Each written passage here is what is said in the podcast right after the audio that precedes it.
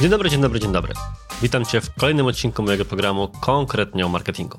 W jednym z poprzednich odcinków opowiadałem o tym, dlaczego ludzie porzucają koszyki.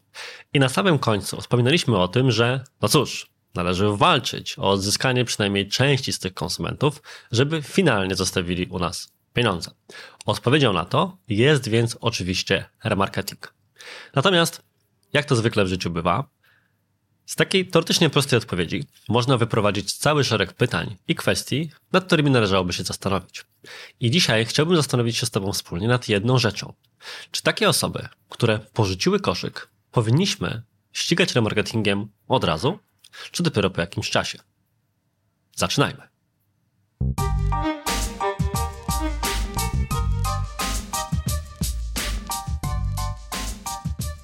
70% osób w branży na przykład fashion, nawet 80% w branżach typu travel. To są dane Biomart Institute dotyczące tego, ile osób porzuca koszyki. Dramatycznie dużo. Nie żyjemy w świecie idealnym, w którym każdy konsument wstępujący na ścieżkę zakupową ją finalnie przechodzi do końca i kończy. Jesteśmy więc, chcąc nie chcąc, skazani na to, żeby docierać do ludzi i zachęcać ich do kupienia po którymś kontakcie z marką. Natomiast pojawia się pytanie, które zostawiłem we wstępie do tego odcinka. Czy powinniśmy próbować skonwertować tych ludzi, jak to się ładnie w świecie marketingu mówi, od razu, czy może powinniśmy im dać chwilę odetchnąć?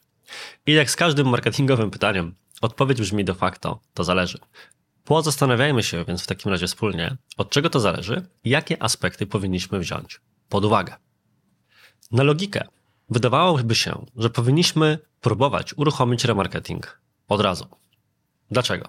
No cóż, być może ktoś po prostu przełączył kartę, wyszedł na chwilę, albo stwierdził, tak jak impulsywnie rozpoczął ścieżkę zakupową, tak impulsywnie stwierdził, że jednak nie będzie jej kończył. Więc powinniśmy, jak to się ładnie mówi, kuć żelazo póki gorące. Natomiast jest kilka aspektów, które warto byłoby wziąć pod uwagę. Pierwszym z nich jest to, jak nasz remarketing będzie wyglądał. Moje założenie i założenie, które rekomenduję klientom naszej agencji, jest zawsze następujące. Jeżeli Twój remarketing ma polegać wyłącznie na prezentowaniu tej samej oferty, którą ktoś przed chwilą zobaczył, czyli tego samego produktu, w ten sam sposób i w tej samej cenie, to nie rób tego od razu. Bardzo często bowiem w ten sposób uzyskujemy wyłącznie efekt irytacji klientów. Dlaczego tak jest? O tym za chwilę. Natomiast najpierw dokończmy pętlę i powiedzmy sobie, kiedy w takim razie ten remarketing uruchamiać od razu. Cóż, wtedy, kiedy mamy na przykład jakiś wyraźny ku temu powód. Tym wyraźnym powodem może być na przykład fakt, że jest to jakaś limitowana edycja, która jest właśnie na wyczerpaniu. Że jest to jakiś konkretny rodzaj akcji promocyjnej, która również niedługo się kończy. W każdej więc sytuacji czy wariancie, w której są jakieś inne niż tylko sam fakt pokazania danej oferty, powody, żeby remarketing uruchomić. Ale uwaga, takim powodem niekoniecznie jest kupon rabatowy albo niższa cena. Dlaczego? Wiele osób porzuca koszyki nie dlatego, że nie chce danej rzeczy kupić. Być może chwilowo odciągają taką osobę inne obowiązki. Wiemy jak jest.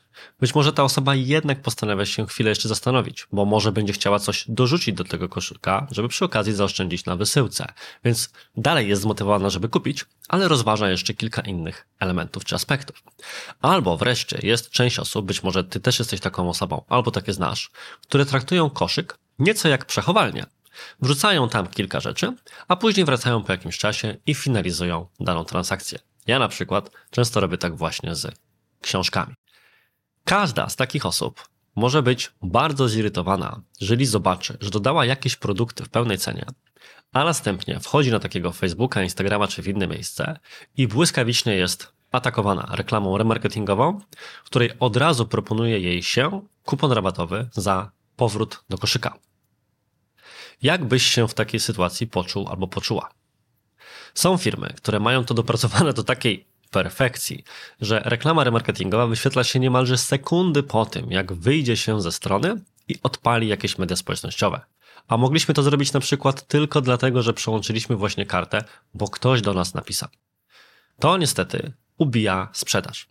Taki konsument może nawet taki zakup dokończyć, ale dokończy go za niższą cenę, skorzysta z kuponu rabatowego, co oznacza, że właśnie ubiliśmy sobie marżę o ileś tam procent. Albo, i to jest równie częsta sytuacja, możemy w ten sposób wytrenować swoich konsumentów, że zawsze będą czekali tylko i wyłącznie na kupony rabatowe. No bo skoro jest taka możliwość, to kto by z tego nie skorzystał? Więc nie tylko ubijemy sobie ten jednorazowy zakup, ale nauczymy kogoś, że taki jest nasz modus operandi i w ten sam sposób zadziała z nami przy następnym zakupie. Ubiliśmy więc marżę nie tylko jednorazowo, ale pewnie wielokrotnie przy powracających zakupach danego klienta. I wreszcie scenariusz numer 3. Ktoś może po prostu, i w pełni to rozumiem, poczuć się oszukany.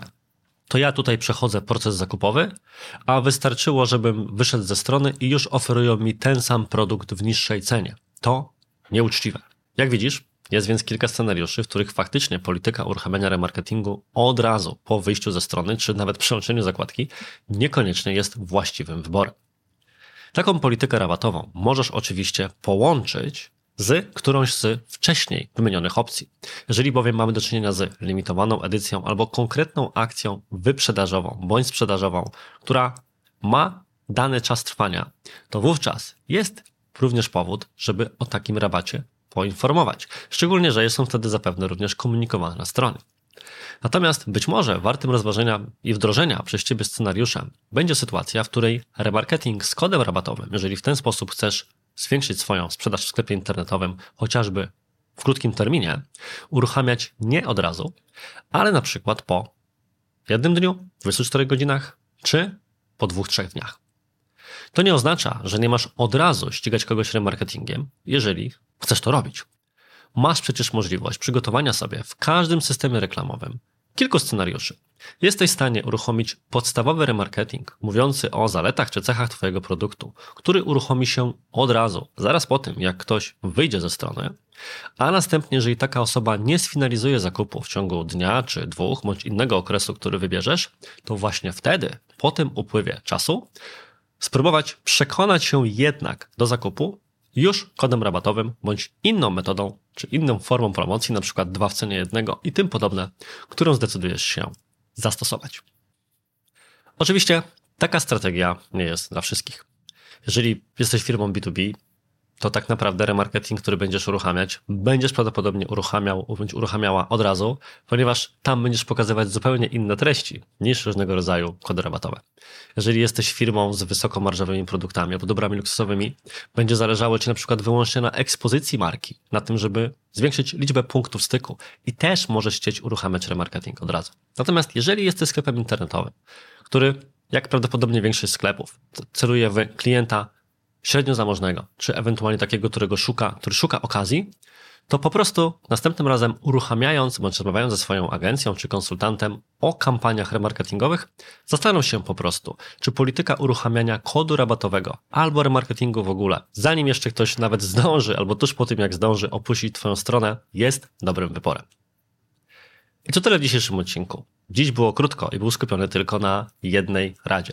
Jestem ciekaw, co sądzisz o takim formacie i czy z Twojej perspektywy powinienem go również kontynuować i dzielić się takimi krótkimi, pojedynczymi radami, a być może na przykład zdecydowanie częściej.